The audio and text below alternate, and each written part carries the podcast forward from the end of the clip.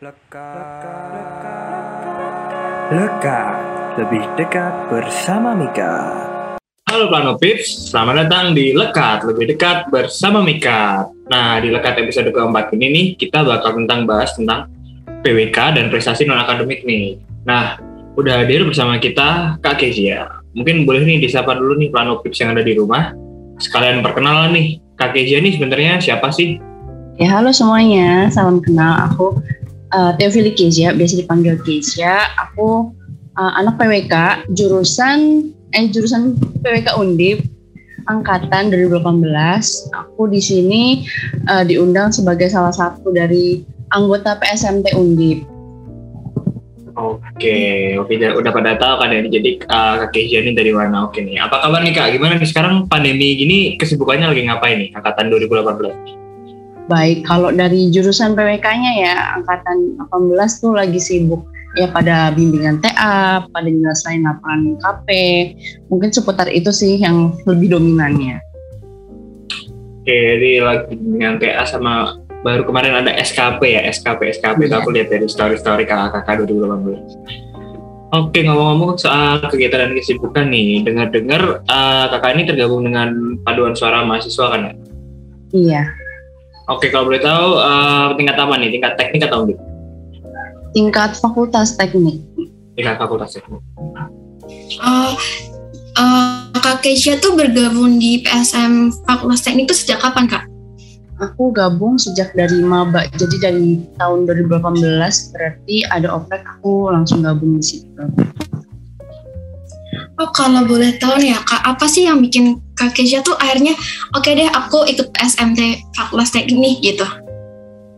Jadi sebenarnya pas aku masuk ke Undip pertama kali aku nggak tahu ada namanya PSMT Undip.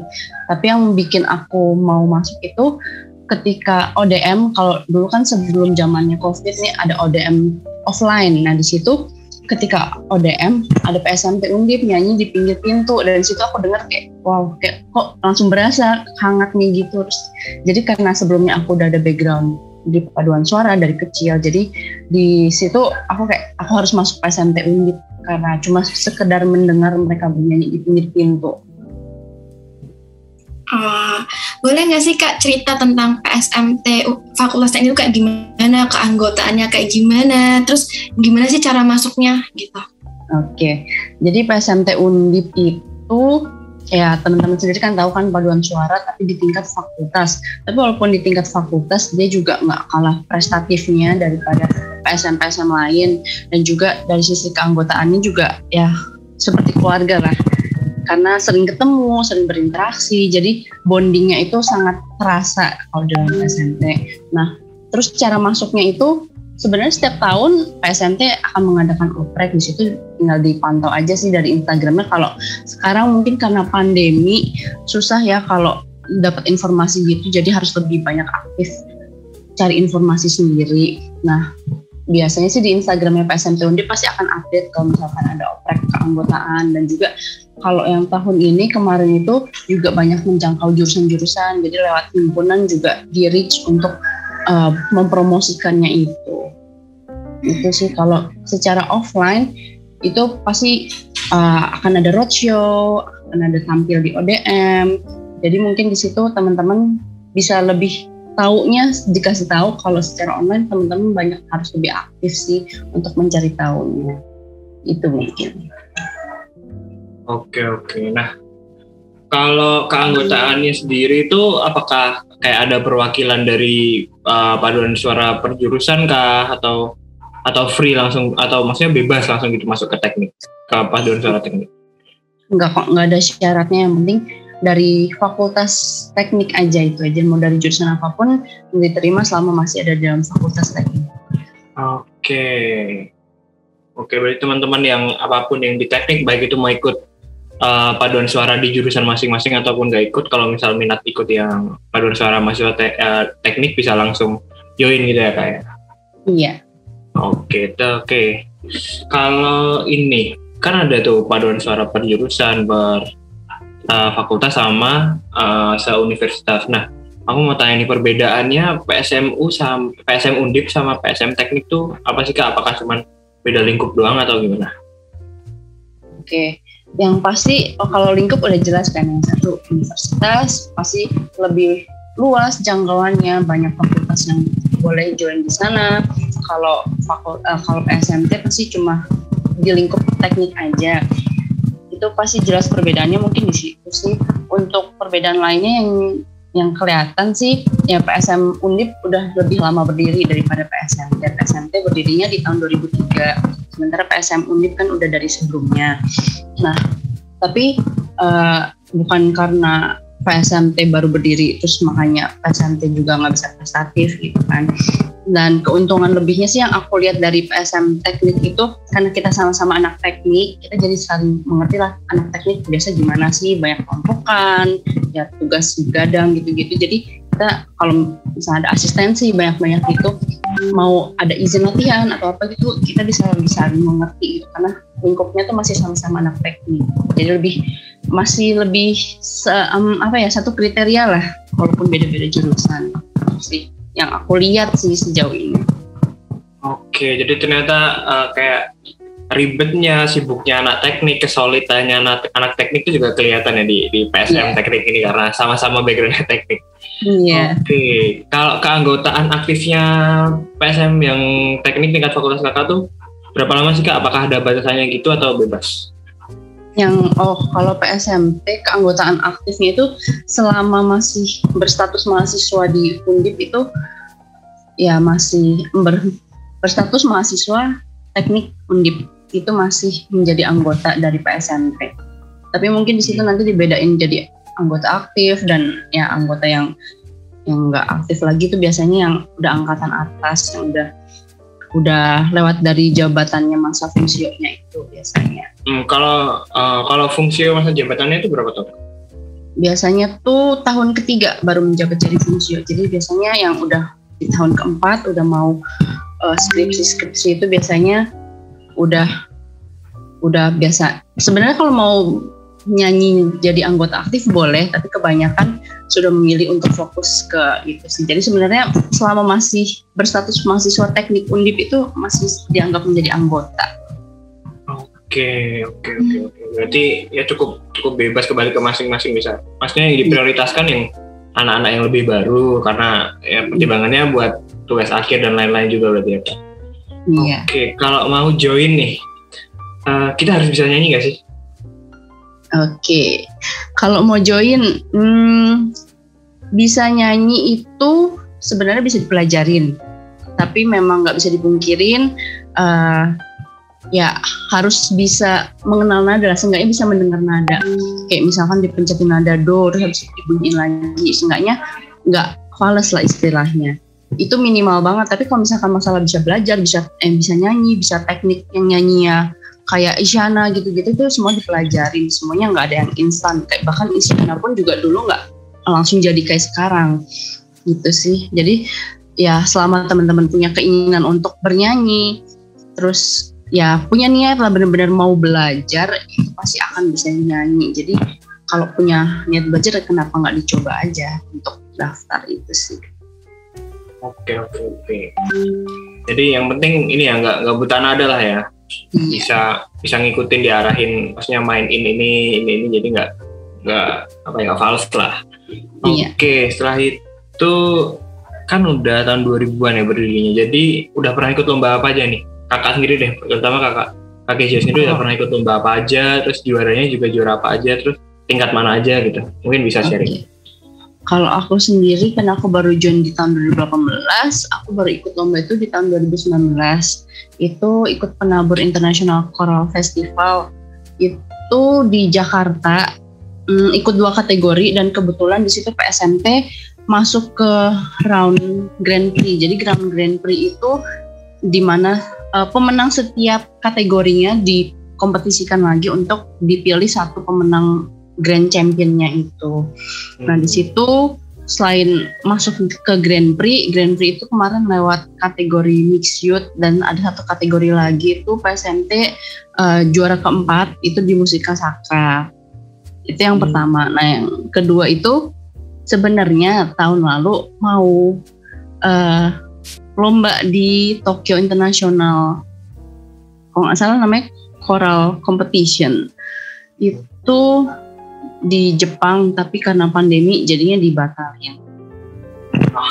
Iya. Terus tahun ini, tahun ini PSMT ikut kompetisi lagi di uh, SDGCF. SDGCF itu Satya Dharma Gita Choral Festival. Tahun ini diadainnya sekarang lagi tanggal 10 sampai 13 November. Jadi sekarang lagi masa uh, kompetisinya. Jadi PSMT lagi menunggu hasilnya apa dapatnya seberapa itu sih. Untuk yang aku sendiri pernah ikutin baru segitu. Oh, oke oke. Nah, yang yang baru-baru banget ini tuh uh, dilaksanainnya online gitu kak atau gimana tuh? Oh, untuk yang sekarang ini dia um, semi semi online. Jadi untuk pesertanya di, di recordnya itu offline, tapi ketika ditampilinnya pelaksanaan kompetisi itu secara online. Jadi kita nontonnya secara online berupa rekaman video-video yang udah direkam sama pesertanya. Oke, oke. Jadi ya karena udah agak longgar juga sekarang, jadi udah bisa ya lomba-lomba kayak gitu. Soalnya di episode lekat yang pertama aku juga wawancara anak PSM Undip itu kayaknya lomba itu susah banget kan masih yeah. pandemi benar-benar yang masih ketat gitu. Oke. Aku nih kak, aku mau nanya nih kak, kan tadi kak Keisha bilang kalau lombanya itu kan secara off, eh secara online maupun apa, apa tengah online dan offline. Nah itu berarti kita ngirimin videonya atau via zoom kayak gini kak? Oh kita ngirimin videonya, jadi untuk proses bahkan dari proses latihannya sampai proses recordingnya itu dilaksanakan secara offline. Jadi PSMT udah latihan offline dari bulan Agustus itu. Nah, hmm, jadi di situ di record dalam satu ruangan kita nyanyi bersama-sama tetap menggunakan masker dan protokol kesehatan. Terus habis itu baru hasil rekamannya itu dikirimkan ke pihak panitia lomba. Terus kan tadi Kak juga cerita ya Kak kalau masuk PSMT itu secara tidak langsung bisa nyanyi gitu. Ada nggak sih Kak tips and trick biar kita tuh bisa bisa paham nada atau ada nggak sih kayak cara-cara biar bisa kita biar kita bisa nyanyi gitu Kak? Oh, oke. Okay. Untuk dasarnya kalau ngomongin bisa nyanyi untuk paham nada itu hmm, tipsnya tuh sebenarnya sering-sering dengerin nada terus habis itu cobain ulangin aja nadanya tuh oh nadanya seberapa ya cobain ah bener nggak ya nadanya segitu itu kalau masalah untuk mendengarkan nada melatih pendengaran bahkan sebenarnya hearing nada itu bisa dilatih dan kepekaannya itu uh, meningkat seiring berjalannya waktu. Ya se semakin sering dilatih akan semakin peka dengan nada-nada. Oh ini kurang pitchnya kurang pas nih ini, itu juga nggak sebenarnya nggak instan. Itu jadi ya sering-sering dengerin nada kayak dicobain oh segini segini terus untuk masalah teknik itu kalau masalah teknik sebenarnya um, dipelajarin sih entah cari di internet atau cari di YouTube. Sekarang banyak kan ya kalau source di, di YouTube itu um, yang ngajarin soal teknik bernyanyi itu sih. Kalau mau belajar sendiri ya tapi kalau misalkan mau belajar langsung lewat paduan suara juga nggak masalah gitu sih. Oke, terus mau nanya nih kak, mitos atau fakta nih kak, kalau orang yang misalnya itu pasti bisa main musik, itu mitos atau fakta menurut kak Indonesia? Itu mitos. Karena ya beda. Nyanyi kan kita punya teknik bernyanyi sendiri. Kalau musik tuh punya teknik musik sendiri. Tapi untuk mengenal nada di musik sama di nyanyi itu pasti bisa. Kalau bisa nyanyi harusnya bisa tahu oh ini nadanya seberapa gitu-gitu. Di alat musik bisa. Tapi untuk memainkannya itu dua hal yang berbeda sih menurutku Wah banyak ilmu nih dari Kak Keisha tentang musik maupun paduan suara lanjut nih Kak perbedaan antara PSMT secara offline atau online itu apa Kak selain tidak bisa bertatap muka secara langsung? Hmm, sebenarnya banyak banget bedanya sih offline sama online tuh. Kalau di online ya kita terbatas di Zoom. Kalau misalnya ngadain aktivitas pun ya di depan laptop kan kita nggak ada interaksinya. Sementara kalau offline itu di PSM itu sebenarnya selain sering ketemu karena latihan, di PSM itu sering ya makan bareng, nugas bareng, dan dari situ sebenarnya bondingnya banyak terbentuk. Itu sih yang paling aku berasa bedanya banget. Karena kalau online kan ya mau nggak mau kan terbatas waktu terbatas tempat terbatas uh, apa namanya platform. Kalau misalkan ada acara ya sekedar acara aja. Kita nggak ngobrol-ngobrol nggak ya terbatas lah ngobrol-ngobrol santainya. Kan masa kita ngacangin orang yang ada di sekitar kita yang secara ya misalnya kita di, rumah gitu kan. Masa kita lama-lama di depan layar padahal ada orang di samping kita. Itu sih yang ter yang berasa banget bedanya. Sementara kalau offline kan kita ya udah kita secara natural kita ngobrol kita bercanda itu bondingnya terbentuk itu yang paling aku berasa. Terus selain itu juga ya pasti nyanyinya. Kemarin ini kan uh, online kita harus mau nggak mau beradaptasi. Kita akhirnya buat konser virtual itu productionnya beda hmm, latihannya beda. Itu pasti jelas sih di latihannya. Secara teknik bernyanyinya secara online tuh nggak ter nggak terlalu terasah lah dibandingkan kita secara offline itu bisa lebih berkembang lah istilahnya.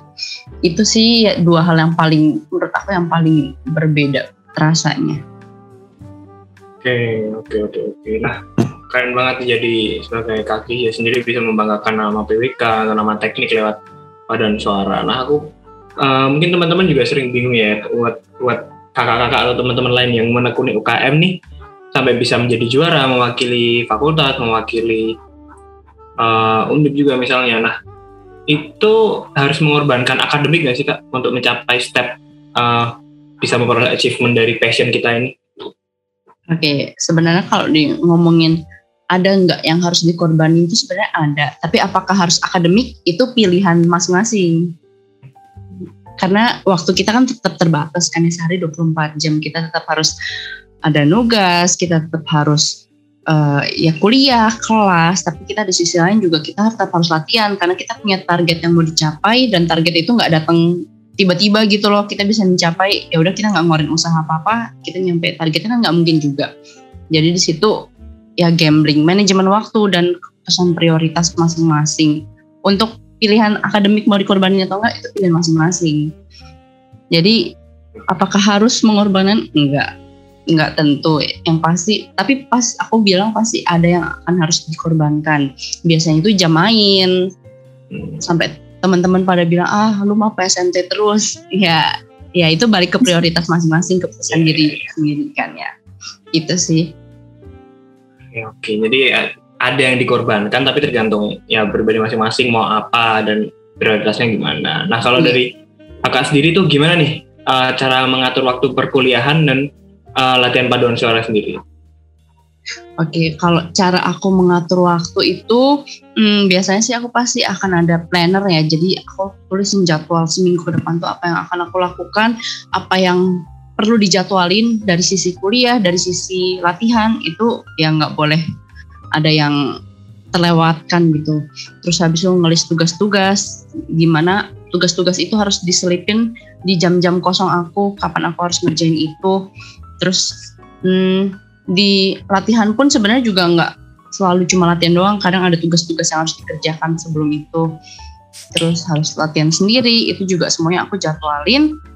Dan kalau semisalkan benar-benar ada jadwal yang nabrak itu ya biasanya harus salah satu aku korbanin. Entah aku izin yang di latihan. Kan misalnya PWK banyak nih kelompokan kan. Yeah. tergantung prioritasnya nih.